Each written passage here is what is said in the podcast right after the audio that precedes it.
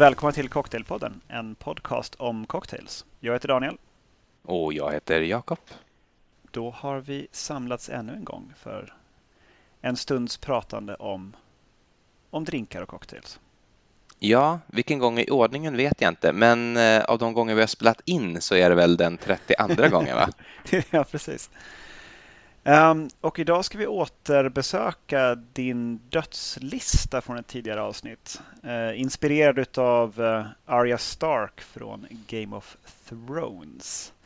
Där du listade en hel radda olika typer utav drinkar och ämnade göra slut på dem allihopa, en i taget. ja, vilka, vilka har vi gjort hittills? Fizzes har vi gjort, det vet jag. Ja, Alltså vi har gjort, det har vi haft ett avsnitt om. Jag tror att vi har bara haft ett, ett avsnitt om, om Physis, men vi har ju pratat om Daisys har vi väl nämnt någon gång va? Eller Ricky, den Ricky har Ricky vi nämnt. har vi nämnt. Daisy har vi nämnt också i det att en Margarita är en Daisy, en Tequila Daisy. Det var väl i agave-avsnittet tror jag. Mm. Cups har vi ju nämnt också. Det är sist på den här dödslistan. Nu måste jag bläddra fram den här i min bok. Jag har den. allting förtjänar ju förstås så småningom ett, eh, ett eget avsnitt. Precis. Men medan jag bläddrar här, du kanske vill säga vilken, eh, vilken, eh, vilket namn på listan som får sitt avsnitt idag då? Det är Sours. Just precis, och det är också först på listan. Vad roligt, så att nu är vi liksom i rätt ordning då. Eh, vad, vad kommer nästa på listan? Då? Sen är det Toddys, så det borde vara Toddys som är nästa specialavsnitt på det här sättet. Det ser jag inte fram emot. det. jag tror inte det är några höjda recept faktiskt. Alltså för, för moderna gommar tror jag inte Toddys riktigt är liksom där man kan, oh shit, det här vill jag, det här vill jag ta med mig till Nödiga. Nej, vad det är för ö. Inte, inte om det är en sån paradisö i alla fall. Eh, det är väl snarare någonting man dricker när det är riktigt kallt ute. Så det, det kanske vi ska göra när det börjar närma oss jul. Vi kanske ska ha ett specialavsnitt då. Ja, men jul är väl lite toddy-grej, i alla fall i populärkulturen. Nej, mm, det är, nej, är toddy och nag samma sak? Jag vet, mm, jag ska, är det nej, det? Jag vet inte. Jag tror, jag tror att det kanske är det, men det kanske också inte är det. Det får vi helt enkelt reda ut i, i Tottenham-avsnittet. Ja, det, det gör vi. Men vad bra, då har vi redan ett, ett uppslag, en ingång till detta ämne. Men det är inte det vi ska prata om idag som sagt, utan vi ska prata om sours. Och det har vi varit inne på några gånger eh, tidigare också. Det är en hel del recept som har varit åt sours-hållet. Men kanske bara lite väldigt snabbt vad som skulle kunna definiera en, en sour. Mm. Och det är alkohol, socker, citrus och vatten. Vatten ofta i form av is nu för tiden, snarare än en mm. utspädning. Eh, sockret kan ersättas om man har en sprit som är en likör.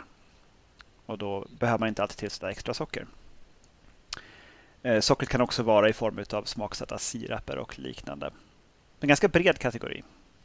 Eh, ja, det är det. Allting från en daiquiri som ju är en, en, en rum sour eh, hela vägen över till andra änden som kanske skulle kunna vara en amaretto sour till exempel.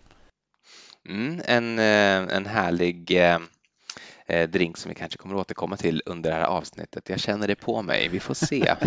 är det så att det står en, en, en Morgenthaler version amaretto sour på bordet? Jag har det inte framför mig, men eh, jag har ändå tänkt eh, nämna denna drink eftersom jag tycker den är eh, fantastiskt god. Men eh, nog om det for now. Vi kommer tillbaka till det.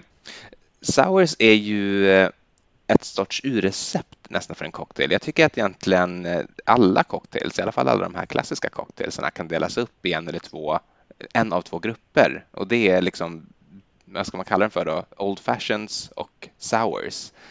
Eh, där en sour i princip är en Old Fashion med eh, någon typ av citrus. Ja, det är nog inte helt osant. man kan också se liksom souren som en en variant. Den, den ursprungliga blandade drinken var ju punch på engelska som typ på svenska väl på sätt och vis kanske är bål eller punch.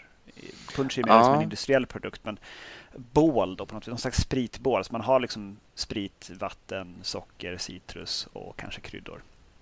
Mm. Ofta i form av muskot va? Just precis, muskot måste man alltid ha på. Men muskot förekommer inte så ofta i sours recept. Um, märkligt nog.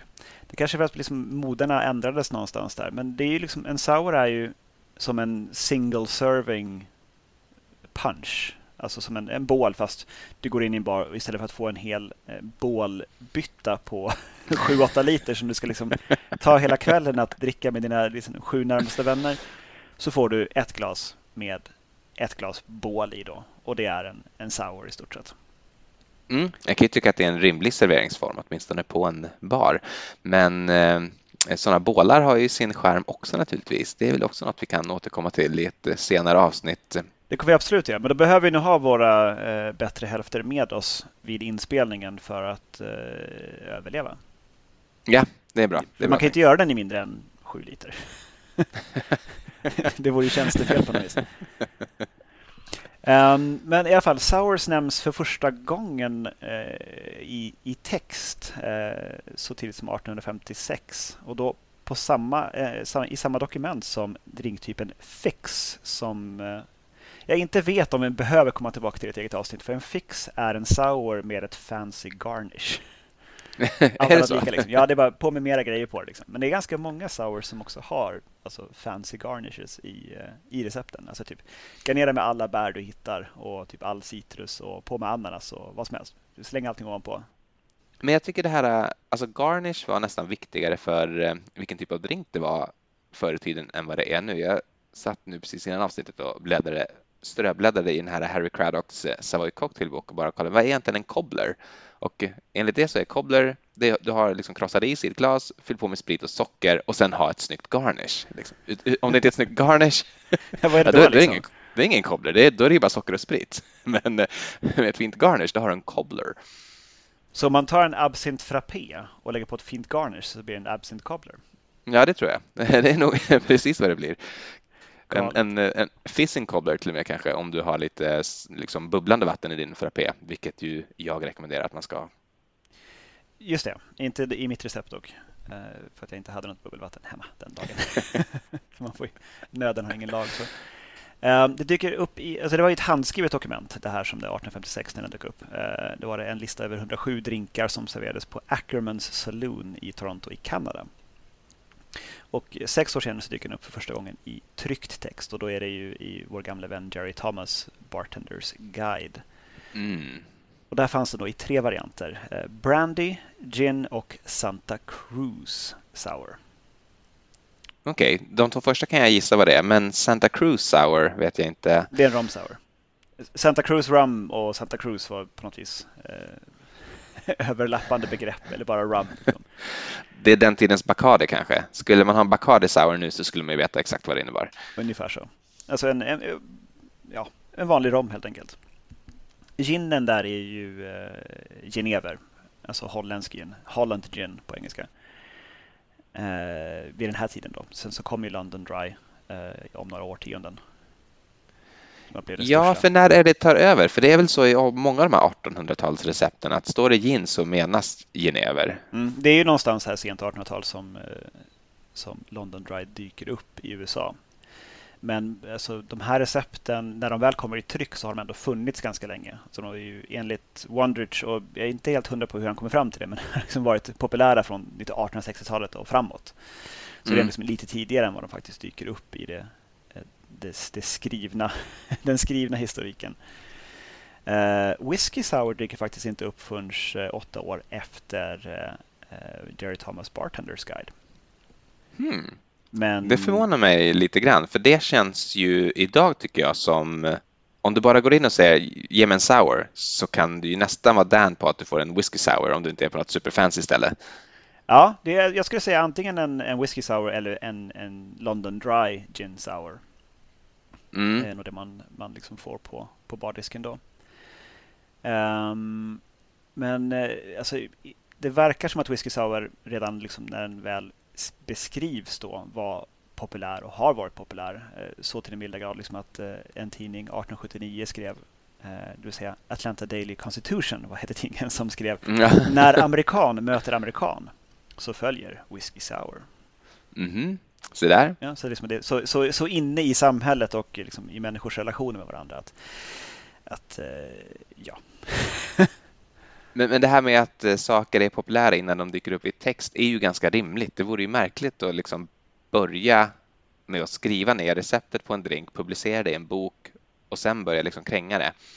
Det måste ju gå andra vägen på något sätt, så det kan man väl nästan räkna med jämt. Att eh, första gången något dyker upp i tryck, om det är en drink, så har den blandats ett tag. Ja, vi får se hur det går med uh, din dryck Valborg som ju nämndes ja, först här i, då, liksom, i nutida tryckverksamheten, det vill säga podcasten. Mm. Vi se om den... den har inte tagit någon sån enorm fart än, men, eh, men eh, jag har gott hopp. Även, även för Kings Speech, din eh, lilla riff på en Last Word, mm. som ju du faktiskt beställde på en bar i förra veckan, minns jag. Ja, var det apropå vi var på? För det var väl inte på Erlands? Nej, det var på apropås. Eh, dock så, så nämnde du inte vid namn. Nej, jag bara bad att få en last word men förlängd med mousserande tack. Och det var de väldigt raska på att ordna. Ja, jag tyckte han sken upp bartendern, eller eh, servitören rättare sagt. Mm. Ja, nej, men jag tycker han var väl förtjust i, i last word och kanske gillade idén på att förlänga den. ja. Men eh, alla gånger jag har druckit eh, den eh, förlängd med eh, mousserande så har jag blivit väldigt raketbakis. Okej. Okay. Eh, så det, det måste bero på någonting annat, någon, någon annan faktor utanför, utanför den drinken. Men uh, a word of caution till känsliga lyssnare. Ett problem kan väl vara att den är väldigt, den är försvinnande god som man säger. Mm. Och den kan försvinna ett par gånger innan, innan kvällen är slut. Precis.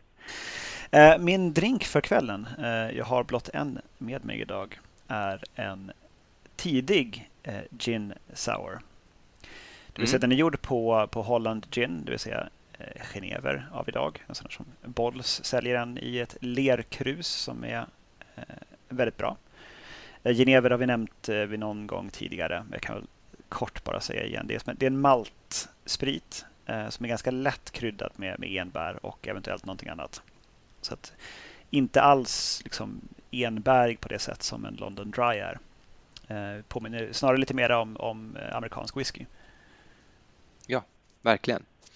Eh, och jag vill minnas att när du tog med den till Holland för första gången till oss i Sverige, det var ju naturligtvis inte första gången Genever togs till detta land, men då, då introducerade den som en sorts en, en holländsk whisky. Jag har för mig, eller en, en kornwhisky eller någonting sånt. Det, du, du, du använder inte namnet Genever. Nej, men det, den jag hade med mig då var faktiskt Korenwein.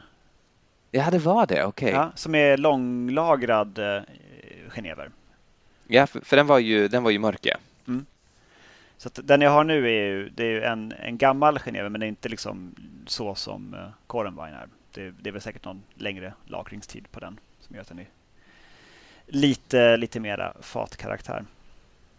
Men hur som helst, eh, den är också utan äggvita. För tidiga sours eh, hade man inte ägg i, utan det kom till lite senare i sourens historia. Precis före liksom, sekelskiftet, 1890-talet någon gång, så dök det upp ett recept i The Flowing Bowl av William Schmidt med äggvitorna.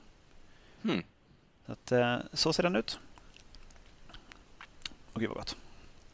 Garnerad med eh, mycket citrus och säsongens bär, vilket i mitt fall är maraschino körsbär från kylen. Ja. det, är säsongens bär just nu. Du kan nog fortfarande hitta några, några små sorgliga rönnbär om du går ut och letar i, i parker och trädgårdar. Usch, maraschino-rönnbär. Känns som att jag mm. skulle kunna göra typ på, på Färviken eller något. Ja, det tror jag säkert. Ehm, jag, jag, jag väntar lite grann med mina. Jag har två stycken här och eh, jag väntar med dem eh, jag tänkte att jag kan börja med att prata om lite sours vi minns, eller vad man ska säga, lite favoriter. Eh, I sin allra enklaste form så är ju som du har sagt en sour en, en eh, drink på sprit, citron och socker i princip som man då skakar och eh, silar till antingen ett rocksglas eller ett martiniglas eller ja, egentligen vilket glas man nu känner för. Eh, men det är ju en drink som kan varieras in i det oändliga. I The Savoy Cocktailbook så skriver Harry Craddock, även om folk då elaka tungor säger att det inte är han som har skrivit boken själv, men hur som helst, det står i hans The Savoy Cocktailbook så här om, om sours. A sour is usually prepared from the following recipe. The juice of half a lemon, half a tablespoon of sugar. Add one glass of spirit or liqueur or liqueur uh, as fancy dictates. Gin, whiskey, brandy, rum, calvados, etc. Shake well and strain into medium-sized glass. One squirt of soda water. Add one slice of orange and a cherry. Eh, så eh, liksom redan i eh, det här receptet så framgår det att det är inget speciellt recept utan gör lite vad du vill. Ta någon likör, ta någon sprit, ta något du tycker är gott. Eh, och eh, det finns ju många liksom klassiska sours. Du har ju pratat om, eller nämnt whisky sour till exempel som ju oftast tror jag görs på bourbon. Men jag är säker på att det finns folk där ute som kräver sin whisky sour på rye eller på scotch också för den delen. Jag har ju aldrig sett något recept på, på varken, varken rye eller scotch faktiskt. Nej, du har inte det? Nej. Uh, jag, jag, vet faktiskt inte om jag har gjort det. Jag kan inte um, dra mig till minnes. Jag är hur som helst säker på att det kommer bli väldigt bra om man prövar. Uh, det är ju så att de flesta sours blir ju ganska goda. Men uh, en favorit som jag tror jag har nämnt i podden, jag vet i alla fall att jag har postat den på Instagram eh, för eh, ett tag sedan är ju min egen Kirsch Sour som ju har kirschwasser i sig. Eh, som smakar lite som väldigt torr maraschino-likör. Det är en drink som ska skakas och vara på rocksglas med is. Och det är 3 centiliter gin, 3 centiliter kirsch eller kirschwasser, det är ju samma sak. Eh, 3 centiliter citron, 1,5 centiliter sockerlag och så lite angostura bitter på det för att få lite djup och kryddighet otroligt god. Verkligen väl värt att blanda till den om man har kirsch. Det är inte så vansinnigt lätt att få tag på i Sverige. Det finns på beställningssortimentet, men är man i södra Tyskland så finns det ju i princip i var och varannat gathörn. Det är bara att och liksom sträcka ut handen lite på måfå så får man en flaska kirsch i den. Ja, och jag kan tänka mig också att det är väldigt gott. Men det är som mm. du säger, att liksom, ta vilken sprit som helst. Gärna sånt som kanske inte är så jäkla gott i sig självt. Mm. Och, och döna ner det i en sour så har du någonting gott. Ja, men precis. Och Det är lite grann också så som, som bålen började och även som liksom att blanda drinkar kommer ifrån. Det säga att göra sprit som kanske inte alltid var fantastisk i sig själv eh, behaglig. Så det är historiskt korrekt på det viset. Ja, det är det verkligen. Eh, vi har ju också Pisco Sour som ju är lite av en, lite av en modern klassiker på något sätt. Eh, jag tror att om du köper en cocktailbok vid namn typ Classic Drinks eller någonting sånt och det är i alla fall 100 recept i den så är det ganska, ganska god chans att Pisco Sour är med i, dem, eh, i den. Då. Men eh, i denna generiska imaginära bok. Eh, Pisco, vill du säga någonting om det? Det är en druvsprit, men eh, ja. från Sydamerika och Latinamerika, va? Ja, det är väl framförallt från Peru, får jag för mig. Ja, det kan säkert vara helt korrekt. Som väl är antingen helt nybränd eller lagrad något eller några år. Jag tror att den man kan få tag på i Sverige det är väl den som går på export och är lagrad. Den jag har är i alla fall lite halmgul och jag har inte sett någon annan till försäljning i detta land. Nej, men Pisco Sour verkar ha dykt upp någonstans eh, tidigt 1900-tal. Eh, ja, det är så pass gammalt i alla fall. Framförallt i och med att det var ju många amerikaner som var nere i, eh, i Sydamerika och mm. även öppnade en del barer där nere. Så man hade ju amerikanska bartenders som gjorde drinkar på lokal sprit och däribland Pisco. Och sen så tog det sig vidare över till, tillbaka till USA. Då. Eh, Pisco, ska väl, Pisco Sour ska väl alltid vara med äggvita? Eh, ja, så säger de i alla fall. Eh, det recept som jag har gjort när jag har gjort Pisco Sour, det är från Diffords Guide som, som många andra av våra recept. Eh, och där är det eh, två ounce rom, tre fjärdedels ounce limejuice, ett halvt ounce sockerlag, en halv äggvita och det här ska skakas ordentligt och sen så toppar man med några droppar angostura bitter för att eh, liksom bli av med den här lite äggiga ägglukten och bara få den härliga krämiga texturen från ägg som man är ute efter. Eh, det här är ju en himla god drink. Pisco smakar inte alls som konjak, vilket man skulle kunna tänka sig, en lagrad druvsprit, men eh, det har ju en hel, helt annan eh, smakprofil. Som med smak så ofta svårt att förklara. Man får nästan, man får nästan gå till en bar och beställa en Pisco Sour tror jag för att göra sig en bild själv. Men eh, väl, väl värd att göra. Nu likväl som på början av 1900-talet då när den kom först. Absolut. Har du mer? Ja, jag, jag, har, jag har lite, jag, jag fortsätter då. En, en Bison Sour har vi pratat om också ja, tror jag. Med Subrovkan. Exakt. Eh, och Subrovka, eller Shubrovka, hur det nu ska uttalas, det är ju den här polska vodka-varianten som är smaksatt med bisongräs. Eh, som vi enligt dig smakar kanel. Ja, det smakar verkligen kanel. Eh, och det har ju också upphovsmannen till Bison Sour tagit fasta på, för det innehåller faktiskt en nypa kanel för att förstärka det här kaneliga i, i Shubrovka. Mm. Det fulla receptet då är två Eh, shot med eh, Subrovka vodka, eh, två shot med citron, en halv shot sockerlag, en nypa kanel och en halv äggvita. Och det här ska också skakas ordentligt och sättas på ett rocksglas. Kanel är ju, har ju den egenskapen att det trillar ner till botten om man inte dricker den snabbt. Eh, det, det, blir ju en väldigt kanelig och frisk, nästan lite så här eh, julig drink. Fast den är så kall och innehåller is så kan jag verkligen tänka mig att när man går på Warszawas gator eh, och kommer till en julmarknad så skulle det passa perfekt att stå där med en, med en Bison Sour och, och titta på, eh, på barnen som springer omkring och köper karameller och, och, och lampor och julspel och tomtar som bjuder ut presenter och allt sånt där. Eh, den har någonting juligt över sig men går såklart bra att dricka. Vi får helt enkelt ta med oss en, en shaker nästa gång till Warszawa. och en flaska Subrovka vi kunna få tag i lokalt. Eh, och ja, det tror jag. skaka till några sådana till förbipasserandes eh, glädje. Ja, men det, det måste vi göra och, och ta en bild då till vårt Instagramkonto. Nästa gång vi åker till Warszawa då. Vi har ju aldrig varit i Warszawa när jag tänker efter. Det var ju Krakow vi var i va? Nej, det var Warszawa vi var i. Var det Warszawa? Jag var dum jag. Det var visst Warszawa. Förlåt, det är helt, helt rätt. Warszawa var det. Eh, en till då, eh, innan jag går in på mina drinkar för kvällen som jag har med mig. Det är Amaretto Sour. jag, vill, jag, vill, ta upp den av två skäl egentligen.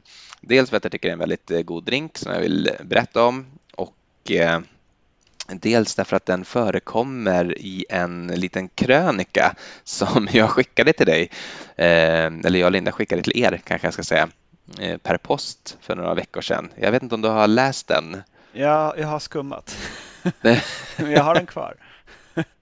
Men det var ju så oadresserat också, bara som det är ingen, ingen avsändaradress utan det dyker upp liksom en, en dåligt eh, fotokopierad sida. Det här är, det är ett slags märkligt dödshot. Liksom. Det, måste, det måste ju vara någonstans i den här texten att jag ska utläsa någonting ur det. Ja, om man bara tolkar liksom bokstävernas konstellationer där så kan man få Precis, dödens lammunge. A beautiful mind eller någonting. Man börjar liksom dra snören mellan olika liksom delar av texten. Eh, I den här texten då så förekommer Amaretto Sour eh, då textförfattarens pappa vill beställa den här drinken. Det är hans favoritdrink och eh, de är på någon eh, lite så här upscale bar som hon brukar gå till. Men bartendersarna där, de är så himla snorkiga och eh, de är av den här typen att vi har ingen vodka så du får ingen vodka tonic och liksom de serverar bara det de själva vill ha. Och Amaretto Sour, det har inte jag alls förstått, men det är tydligen då en töntig drink i USA, eller var det åtminstone för tio år sedan, eller vad det nu är den här texten är ifrån. Eh, så han får ingen Amaretto Sour. De, de vägrar göra en. Eh, och han kommer liksom inte på någonting annat så då gör de en drink åt honom eller hur det är och eh, den är väl god men det är också jäkla märkligt att inte få sina Amaretto Sour så att det liksom förstör ändå kvällen lite grann och det det här eh, snorkigheten bland eh, mixologer som hon eh, vänder sig emot i sin krönika. Jag tycker den var ganska underhållande faktiskt och lite så här igenkänning på den också. Men en amaretto sour är ju i alla fall eh, 6 centiliter amaretto, 3 centiliter citron, en halv äggvita och några stänk angostura på det. Eh, det finns ju också en annan variant som är lite torrare eh, som, vad heter han, Morgenthaler? Just det, Jeffrey Morgenthaler.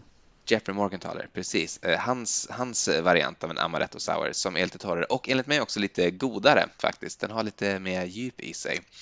Eh, och den får det här djupet av bourbon. Den innehåller då en och en halv ounce amaretto, eh, ett ounce bourbon, ett ounce citronjuice, en halv äggvita ja, som ska skakas. Den är ju fantastisk. Ja, den är verkligen god. Alltså. Verkligen, verkligen. Riktig höjdardrink. Mm. Den tycker jag inte man ska skämmas för att beställa. Och om är man i en bar där, där de har bourbon, vilket de har, och där de antagligen också har amaretto, och citroner. Och, liksom, och de inte gör den, ja men då får man ju gå därifrån. Ja men verkligen. Det här, det här säger ju någonting om en vad ska man säga, konstform eller kulturs eller liksom subkulturs mognad. Att det är ju bara precis, precis i början som man kan kosta på sig den typen av snobbighet när man måste liksom eh, dra gränser och, och liksom försöka ta reda på vem man är på något vis. Eh, mm. När man blir lite säkrare sen, då är det klart, då gör man en amaretto sour om man vill ha en amaretto sour. Det är väl inget konstigt med det. Men det är också det, som det, det vanliga missförståndet att, att vara bartender handlar om, om alltså framförallt om drinkarna du gör och inte mm. om eh, service. Exakt. vi är tillbaka till det. Vi, vi... Ja, det i slutändan så är det ju servicen som, som räknas. Ja, men verkligen. Eh, så sant, så sant. Men eh, den här Morgenthalers Amaretto Sour är ju, ja men det är fem. Det är fem av fem tycker jag. Det är en Absolut. fantastiskt bra drink. Tveklöst. Eh, vi har ju tidigare eh, avsnitt och även tidigare i det här avsnittet nämnt att allt blir gott i en sour. Och eh, jag har faktiskt eh, tänkt idag att jag ska pröva den här tesen. är det ingefärsspriten? Du pratar om ginsengspriten? Ja, ginseng, just det, med en hel ginsengrot i flaskan. Ja, den, är, eh, det den? Den är med. Oh, den är med. Eh, jag hade två tankar då, nämligen att ta mina, mina två liksom svåraste spriter som man inte kan ha till någonting egentligen och göra sours på det. En av dem kom jag på är i stugan nu och det var min albanska raki. Jag hade tänkt göra någon sorts albansk eh, sour då, men eh, jag ersatte den med lite, göra en grappa sour istället, vilket oh. är kanske lite lättare och lite mer bekant för en vanlig palett. Lite, inte så rått som den här albanska rakin är, men det är lite samma typ av sprit så att jag tror ändå att det blir jämförbart. Eh, den har jag gott hopp om. Den här ginsengspriten som du nämnde, det är ju någon sorts Medicin. Jag vet inte om det är medicin eller om det är sprit. Den är köpt i Hongkong i alla fall. Den, och den, den, stod på sprithyllan då. Jag tänkte bara när, vi, när jag var i Hongkong, det här var väl ett och ett halvt år sedan, så ville jag bara snabbt ha någonting liksom lokalt med mig hem och jag visste inte vad det var så att jag tog, jag tog en flaska med en liten ginseng i och ja, ta mig tusan om det inte är det äckligaste jag druckit i hela mitt liv. Alltså, liksom jag, jag smakade inte ens på den när jag var i Stockholm nu. Jag, jag, jag doftade ju på den bara och kände att det, det fick nog duga. Mm. Så det är lite grann upp till bevis för tesen då att eh, en sour gör allting väl. Ja, men ska jag, bör ska jag börja med den då, nu när vi har pratat så mycket om den? Den har jag här i ett eh, martiniglas. Den är ganska snygg. Nu har ju, ja, du ser ju själv att äggvitan fortfarande är Absolut. ganska bra trots att den har stått nu i ja, nästan en timme faktiskt. Eh, sval mot, mot läppen också. Nu ska jag ta ett smakprov. Jag kan, jag kan säga så här. Jag kommer aldrig beställa den. Eh, den är samtidigt ofantligt mycket bättre än vad bara den här spriten är i sig. Det här går att dricka. Jag tror inte att jag skulle kunna dricka ett helt glas av det eh, som jag har här framför mig. Eh, det säger också någonting om att jag brukar ha, man brukar ha lite angostura på ägget då för att liksom ta bort den äggdoften och få en mm. god liksom, krydddoft istället. Den känner jag inte, utan jag känner ju bara den här ginsengspriten genom ägg och angostura. Trots att det är ganska tjockt ägg, äggskum på den. Eh, den är otroligt genomträngande. Och den tränger verkligen igenom det här också. Det här är ju, det här är ju som någon sorts medicin för barn. Jag kanske skulle nästan rekommendera att inte göra den här. Sa du medicin någon... för barn? Ja, men medicin för barn, du vet, som är så här, den är äcklig men så har man något socker i den så att den ja, ska vara god. Så. Men så ja, blir ja, det bara än, ännu värre på något sätt av det. Som typ hostmediciner och sånt? Ja, men exakt. Och jag tycker så, så den här har lite grann de kvaliteterna också och jag tror inte jag ska dricka den för jag vill inte riskera att förstöra liksom sour, sour-konceptet genom att förknippa det med den här ginsengsmaken. Ja, eller din kropp för den delen. Vi vet ju liksom inte ja. vad, vad liksom en, en bra dos av det där är. Det kanske inte är en sexa liksom. Nej, det är sant. Det är sant. Eh, förresten, som jag kommer att tänka på nu då angående det här. Det här är ju någon sorts hälso, det är ju för hälsan tror jag som den här eh, spriten har skapats. Eller för din och, virilitet. Ja, ja, kanske. Men hur som helst eh, så knyter det an till ett tema som jag förstått är liksom på modet i New York just nu. Ett tema som jag är ofattbart emot och det är nyttiga cocktails. Har du hört om det här? Ja, alltså de, på Hiding in Plain Sight skulle ta fram en meny som just skulle handla om nyttiga cocktails. Men jag tror de skrotade den sen när de kom på att det inte vart gott. För den, den vart aldrig en meny utav det. när vi var där liksom, då fick vi provsmaka lite grann och då höll de liksom på och experimenterade med någonting med gurkmeja i någon slags gurkmeja Gibson eller någonting. Och du har ju mm. själv. Liksom, det, ja, det är fruktansvärt. Det, det, det var inga höjdare. Det är en sån dålig idé. För det första, jag menar, om vi ska vara helt ärliga, att beställa en vacker cocktail, det är ju synd och det ska vara synd. Och är det, är det inte synd så är det liksom ingenting. Det här är som att köpa sockerfritt godis med massa såna e-ämnen i. Eh, liksom man blir, det är inte gott och det är heller inte nyttigt. Det är bara att det inte är något socker. Liksom. Det, så är det med nyttiga cocktails också. Herregud, det är sprit i ett glas men istället för att göra det gott och lite så här äh, sexigt så, så gör vi det tråkigt och äckligt. Ja, alltså jag tycker att det, det är så upprörande att jag, att jag önskar alla nyttiga cocktailmenyer eh, vad heter det? Åt fanders? Säger åt man så? säger man säkerligen fortfarande fanders. om man är i en viss ålder. I vår ålder. ja, okay, eh, bättre än spriten i sig då, men det här är ändå ingen höjdare. Men Grappa Sauern då, den har jag gjort i ett rocksglas istället. Ser ut på detta vis. Jag tar en smakprov nu. Och den har du också gjort med äggvita? Ja, det har jag gjort. Jag kan tänka mig att det kan bli lite pisk sourigt, men... Ja, faktiskt. Ja, det, är, det är inte alls olikt sour. Det, det, är också riktigt gott. Mm. Grappa är ju inte, det är inte vansinnigt eh, gott sådär. Det är inte publikfriande i alla fall. Nej, för, för en eh, genomsnittlig gom, men det här tror jag nästan vem som helst eh, skulle kunna dricka ett glas av utan att rycka på näsan. Eh, här funkar tesen tycker jag. Det här blev, det här blev supergott. Bra, så att Grappa Sour alltså. Mm. Eh, årets vinterdrink en... 2018. ja, definitivt. Det och Bison Sour. Då. Ja, Bison Sour egentligen kanske lite mer då. Eh, sen har vi väl nämnt New York Sour också vid något tillfälle. Eh, det är en helt vanlig eh, whisky sour som man toppar med rött vin som har liksom en float ovanpå. Mm, just det. Också den med ägg så att liksom, vinet hamnar mellan äggvitan och eh, spriten. Så liksom under äggvitan men liksom ovanpå. Men ser man den så? Den, den skiktar sig på det viset? Så att, ja, eh... det finns ett foto på det. Eh, inte världens bästa skiktning. men, men ja, den lägger sig där om man gör det på rätt sätt.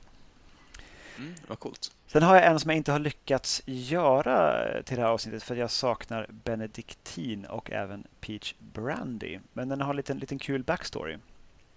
Eh, den heter Moral Suasion, alltså som i persuasion.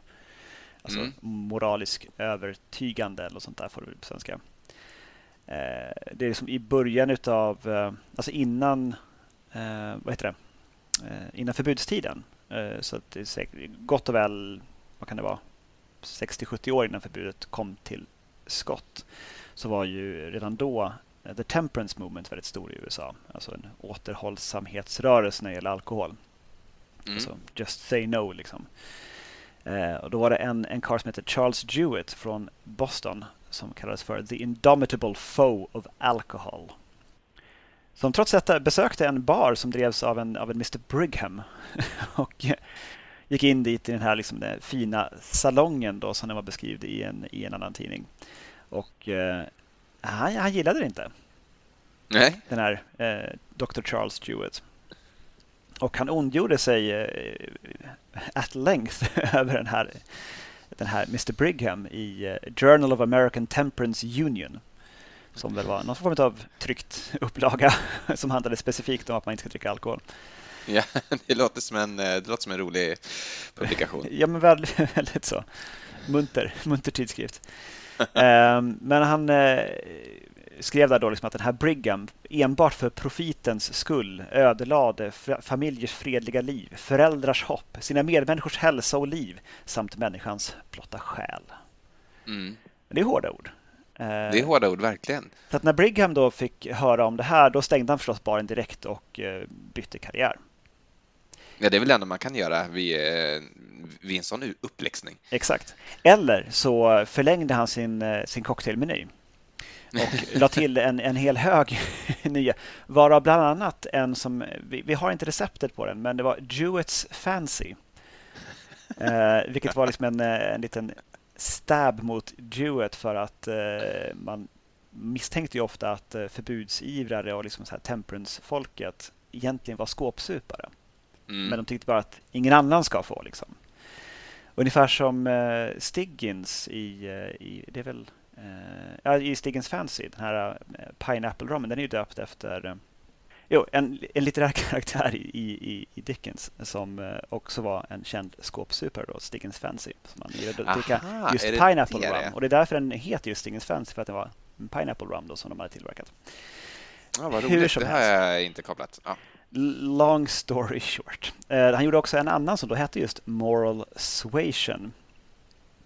Och det är liksom just en, en kommentar på hela återhållsamhetsrörelsen då vars eh, innan man liksom kom på att man ska förbjuda alkohol helt och hållet så var liksom målet att man skulle övertyga sina medmänniskor genom att tjata på dem helt enkelt att mm. sluta dricka alkohol. Hur som helst, man eh, tar juicen från en halv citron eller lime och här föreslår Wondrich i Imbibe att man ska använda lime. Eh, två ounces peach brandy, vilket jag inte har. Eh, en tesked curacao, ett halvt ounce benediktin och det här ska då skakas med krossad is, hällas upp osilat i ett rocksglas och sen ska man hälla en skvätt konjak ovanpå som en float och sen ska det garneras rikligt. Det låter gott. Jag gissar nu att eh, Peach Brandy är eh, det är en sorts eau de vie, gissar jag då, eller? Det vet jag faktiskt inte. Jag tänkte mig nog att det skulle vara typ någon form av alltså åt eh, apricot brandy-hållet. Med alltså en, en riktig eh, druvbaserad brandy som är smaksatt med persika på något vis? Ja, det hade jag nog tänkt mig. Ja, det är ju också helt klart en möjlighet. Men det tycker jag var lite rolig eh, sådär. Eh, Jaså du, du tänker skriva ner mig som en mänsklighetens förstörare? Här är en drink som jag uppkallar efter dig. Touché. Mm. Det, är ju rätt, eh, det är ju rätt approach, mm. tycker jag. Moral Suasion blev ju så populär så att den eh, hamnade i tryck också och även spreds över större delen av USA som en populär liksom, alltså en, en, drink som helt enkelt var så pass god att den skulle kunna persuada någon att börja dricka alkohol. Ah, det är Men, det som en anti, anti-återhållsamhetsrörelsedrink. Mycket bra, mycket mm. bra. Så, att, så snart jag får tag i Peach Brandy och Benediktin så eh, kommer jag att skaka till med en Moral Suasion. Då ser jag fram emot att få höra om det i podden sen. Ja. Eh, har du något mera på Sours? Egentligen inte, nej. Sen har ju eh, eh, World's 50 Best Cocktail Bars kommit ut igen. Just det, just det. Vilka är det som gör den listan egentligen? Alltså, jag lägger alltid ner väldigt mycket energi på att läsa den när den mm. kommer. Mm. Och jag bryr mig också om, om vad som står på den. Men vem, vem, är det som står bakom den egentligen? Ja, alltså det är någon sorts organisation, men de som tar fram det där, det är ju det är en massa bartenders och typ drinkjournalister som får rösta helt enkelt. Om de är en 600 stycken liksom stor jury eh, av branschfolk som, som eh, lägger sina röster på vilka som är de bästa barerna och sen så sammanställs det då i en, en lista. Okej, okay, men då är det bättre i alla fall än typ Handens forskningsinstitut eller vad det är som typ årets julklapp-grejen. ja, Där de ja, bara typ ja, random bestämmer i ett mötesrum. Ja, men i år är det väl bakmaskinen igen. Men vad har inte haft den? Ja, men det är den igen nu precis. Nej, det är någon sorts peer review liksom, av de då främsta i sitt fält, tror jag är tanken. Jag förstår. I alla fall, eh, jag hittade på listan eh två ställen som jag har varit på. du kanske har några till, jag vet inte. Mm. Eh, men toppar listan gör i alla fall eh, Dandelion. Just det, det var ju roligt. Där, det har vi pratat om i eh, jag tror filmavsnittet, avsnitt fem, inte 100% säker på att det är det, men... Eh, ja, men det var ju då du och Linda hade varit eh, i London i alla fall och pratat med den gode Goran. Mm, väldigt trevligt, väldigt trevlig eftermiddag. Mm. Men du håller med om listans beslut? Jag... på det att du har varit på alla de andra. Så att... Precis. Jag har ju ändå varit på faktiskt ett par av dem. Jag kan väl dra lite grann bara jättekort mina reflektioner på listan. Mm. Eh, det första är att London dominerar liksom totalt. Väldigt stort. New York är New York är helt ute. Det är det är såklart inte jättemånga New York-barer som är med på den här topp 50. Men eh, New York är först representerade på fjärde plats. Nu har jag den inte framför mig. Jag ska ta fram den. Precis, men Dead Rabbit som väl toppade listan för några år sedan har ju halkat ner till tvåsiffrigt nu. Mm. Och PDT, eh, Please Don't Tell, ligger inte ens på topp 50 nu tror jag. Ligger nu på mellan 50 och 100. Man undrar, så, de, de lär ju inte ändrat mycket i hur de är som bar, tänker jag. Att... Nej, precis. För det är många klassiker som har halkat ner. Även en av våra favoritbarer har ju till och med halkat ut topp 100, nämligen Nightjar. Nightjar. Ja, det tänkte jag faktiskt på. Herregud, att, att ja, vi måste nästan gå dit ändå. Alltså bara för att stötta dem. Kanske ge dem en kram. Det är klart vi ska gå dit. Annars så tycker jag att liksom så här, overall så är det jag tycker tidigare, tidigare så har det varit väldigt mycket bara London och New York och så har det varit liksom några andra städer insprängda. Jag tycker att det börjar bli större bredd geografiskt på den här listan nu. Det är absolut den liksom bredaste eh, listan geografiskt sen jag började följa den i alla fall. Mm. Det har ju Singapore mycket, Hongkong dyker väl upp några gånger. Mm. Um, Ginza också, som ligger i Japan. Ginza är väl ett distrikt i Tokyo? va? Ja, det står bara Ginza i alla fall. Men... Okay. Jag, jag, tror att det är, ett, det är liksom deras, deras Vasastan. Det är också en möjligen nu stilla insomnad eh, produktkatalog för CD-skivor och elektronik i Sverige. Ja, det stämmer. Eh, inspirerat tror jag av det området där i Tokyo. Men, men överhuvudtaget mycket Singapore, mycket Hongkong. Jag har ju varit på en, några av dem. Eh, 28 Hong Kong Street i Singapore till exempel har jag besökt. Det var ju för övrigt den första otroliga bar som jag har varit på som var en sån här att jag varit helt liksom golvad över att kan en bar vara så här cool. Var det den du berättade om när du drack eh, Reposado Tequila? Ja, det var Anejo Tequila till, och med som. Vad det nu var. Ja, men precis. Ja, men då har, jag, då har jag nämnt det tidigare. Den, den är alltid med. Den har hängt med ganska länge. Men vi var ju i Hongkong, jag och Linda, för det var ett och ett halvt år sedan som sagt och då vinnlade vi oss om att besöka liksom, de bästa barerna i stan då och jag tycker det är väldigt intressant för många av dem nu som är på topp 50 som är Hongkong-barer, de har jag aldrig hört talas om. Jag tror de inte var liksom i, i ropet då. Eh, två av dem, The Quinery och Lobster Grill, är med på liksom topp 100 men då inte topp 50. Eh, framförallt The Lobster Grill där tycker jag var en otrolig bar. Om jag ska prata Hongkong så kan jag även rekommendera Stockton som nästan var, tycker jag, den bästa av de Hongkong-barer som vi besökte när vi var där då i alla fall. Eh, American Bar i London, sån här super, super, super klassisk, 130 år gammal historia. Det är ju eh, verkligen en av världens mest kända barer och har varit det liksom i över ett sekel. Den är nummer två på listan, var etta förra året. Men det är roligt tycker jag också att något som är, att det inte bara är massa modernt utan det är en del gammalt också eh, som är med där. En av dina favoriter var från Holland, från Amsterdam, Tales and Spirit. Mm. Den har ju varit på listan i många år nu. Säkert ja. fjärde året i rad som de är på topp 50. Jag tror det. Eh, de var 35 nu, precis efter, eller möjligen precis före, nu kommer jag inte ihåg i huvudet där, men eh, det enda svenska bidraget på topp ja, 100. Plats nämligen... 31 Tales and Spirits och plats 32 linje 10. Just det, så var det. Precis. Som ligger i dina delar av staden. Eh, och som har, är också väldigt duktiga. Tales and Spirits eh, tycker jag de är väldigt kreativa och framförallt väldigt duktiga på, på service. Mm. Också där som vi introducerades för Nuclear Daiquiri som vi har nämnt kanske orimligt många gånger i den här cocktailpodden. Eh, men eh, Emily gillar ju liksom spritiga liksom, drinkar och sådär. Liksom, och hon fick in, hon sa liksom, jag vill ha någonting, jag vill ha någonting spritigt, någonting starkt. Liksom. Så ja, men bra, jag kommer tillbaka. Så kom han tillbaka med en, eh, en Old Fashioned. Och hon bara, Ja, okej. Okay. Fan, den här skiten igen liksom. En, en, en lite för söt Old Fashioned. Men det såg han på Emily. Bara, oj, nej men, oj, det där tyckte hon inte var bra. Och så bara, mm. vänta, jag kommer tillbaka med en till. Behåll den där. Och så sprang han iväg till baren och kom tillbaka med en Nuclear Daiquiri. Eh, ganska hårt på The Nuclear i den versionen. Och det är inte Diffords recept utan något lite skarpare. Ja. Och den följer ju smaken. Eh, både starkt och, liksom, och ändå balanserat och gott. Uh, och fick ändå behålla den här Old Fashioned, så det var ju trevligt. Men han såg liksom, mm. att, han såg liksom hur Emily var liksom sjönk ihop lite grann. Och så, ja, ja. ja, ja. Jag fick en Old Fashioned igen. Vad fan. För det brukar ju vara som det. Säger man för någonting spritigt så, så kommer de farande med en Old Fashioned. Speciellt om, om man råkar vara kvinna som, som Emily har oturen att vara.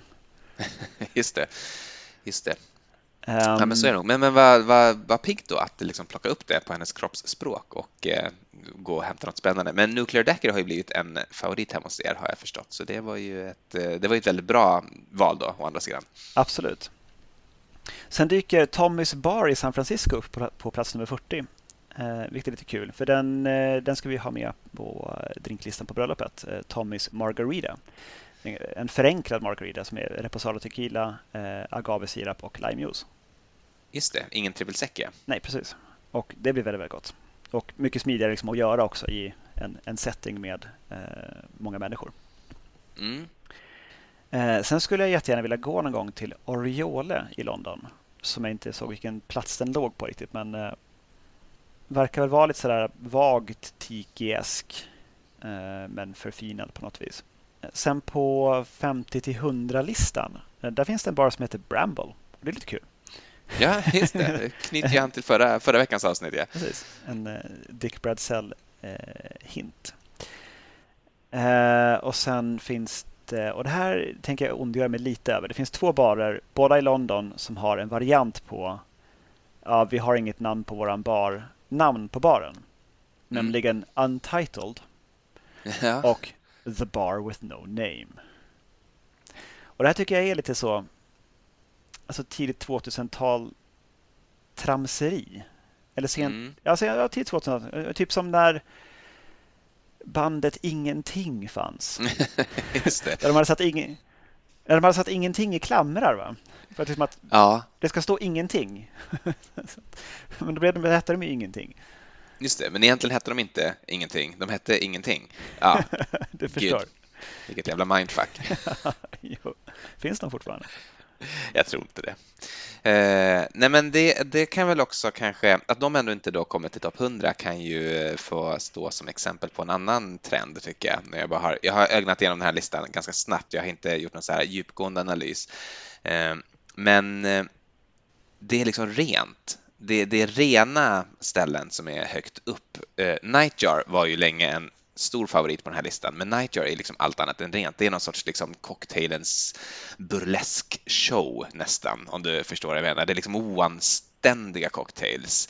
Eh, de är väldigt pyntade och väldigt så eh, liksom genomtänkta med eh, presentation och och liksom precis rätt garnish och, och, alla cocktails har ett eget glas och de kommer liksom med en liten sång och sådär. Det, det, det, är väldigt mycket liksom fokus på, på, på show. Eh, men om man kollar på de här liksom American Bar, det är som sagt det är en, det är en vanlig bar. Det är en klassisk vanlig bar, bara att de är väldigt, väldigt duktiga och har också eh, varit eh, ja, men i ropet sen då senaste 130 åren. Det är ju American Bar just som är Harry Craddocks eh, gamla då ställe därifrån The Savoy Cocktailbook är. För The American Bar är ju baren på The Savoy i London. Det tror jag att våra lyssnare har förstått väl laget, men jag nämner det i alla fall.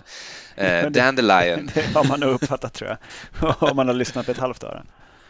Eh, Dandelion som ju kom nummer ett. Mitt intryck var ju där också att de hade, det var liksom no garnish. Det var en enda drink på menyn som hade ett ett litet garnish. Annars var det överhuvudtaget inget garnish. Det var väldigt mycket prepp innan, men drinkarna var bara i liksom vanliga enkla glas, bara upphällda. Eh, inte liksom något eh, pynt, eh, inget smink, bara väldigt, väldigt, väldigt välgjort och väldigt välpreppat framför allt. Det var ju mycket sådana infusions och malt, liksom misosockersiraper och sånt som de har suttit och och hållit på med nere liksom i köket i, i flera dagar för att kunna använda det i baren. Men, men själva drinkarna var extremt liksom, rena och presenterades väldigt rena. Och någon sorts renhet tycker jag präglar toppplaceringarna på mm, den här listan. Det är lite otäckt. Mm. Alltså rent samhälleligt, att det är den, den riktningen vi går i. Eh, jag vill gärna ha min drink så som du sa när du ondgjorde dig över hälsosamma drinkar. Min drink ska ja. vara ohälsosam. Kanske lite prålig till och med. Eller ja. åtminstone lite för mycket. Jag håller med. Jag håller med. Eh, till min stora glädje så är också kanske min allra, allra mesta favoritbar i London fortfarande med på listan. Också hängt med väldigt länge. Det är baren Happiness Forgets. Det är ett sånt ställe som när jag och Linda är där så går vi alltid dit.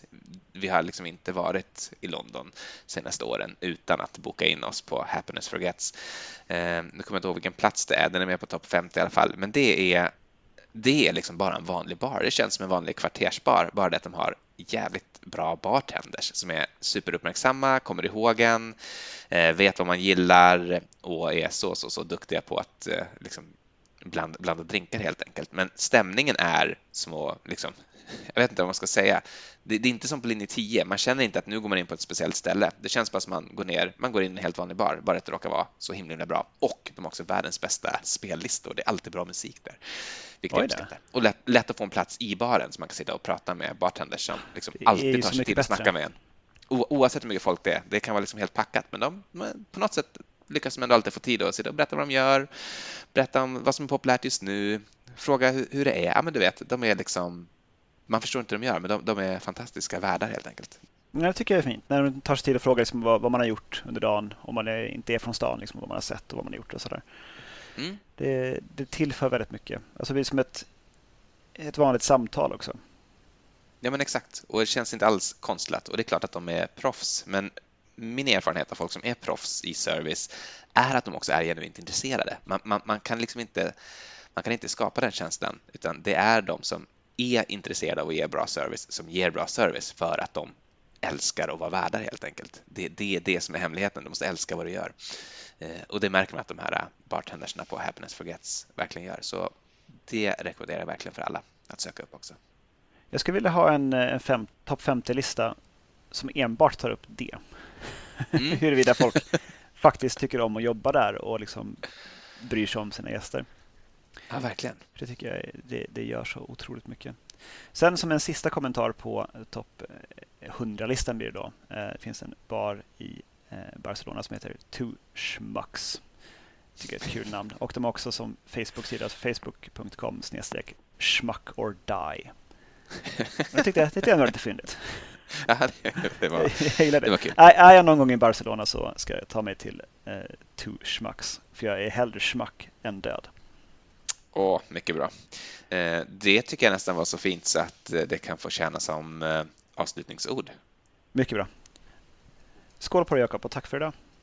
Skål, tack, tack. Och tack för att ni har lyssnat.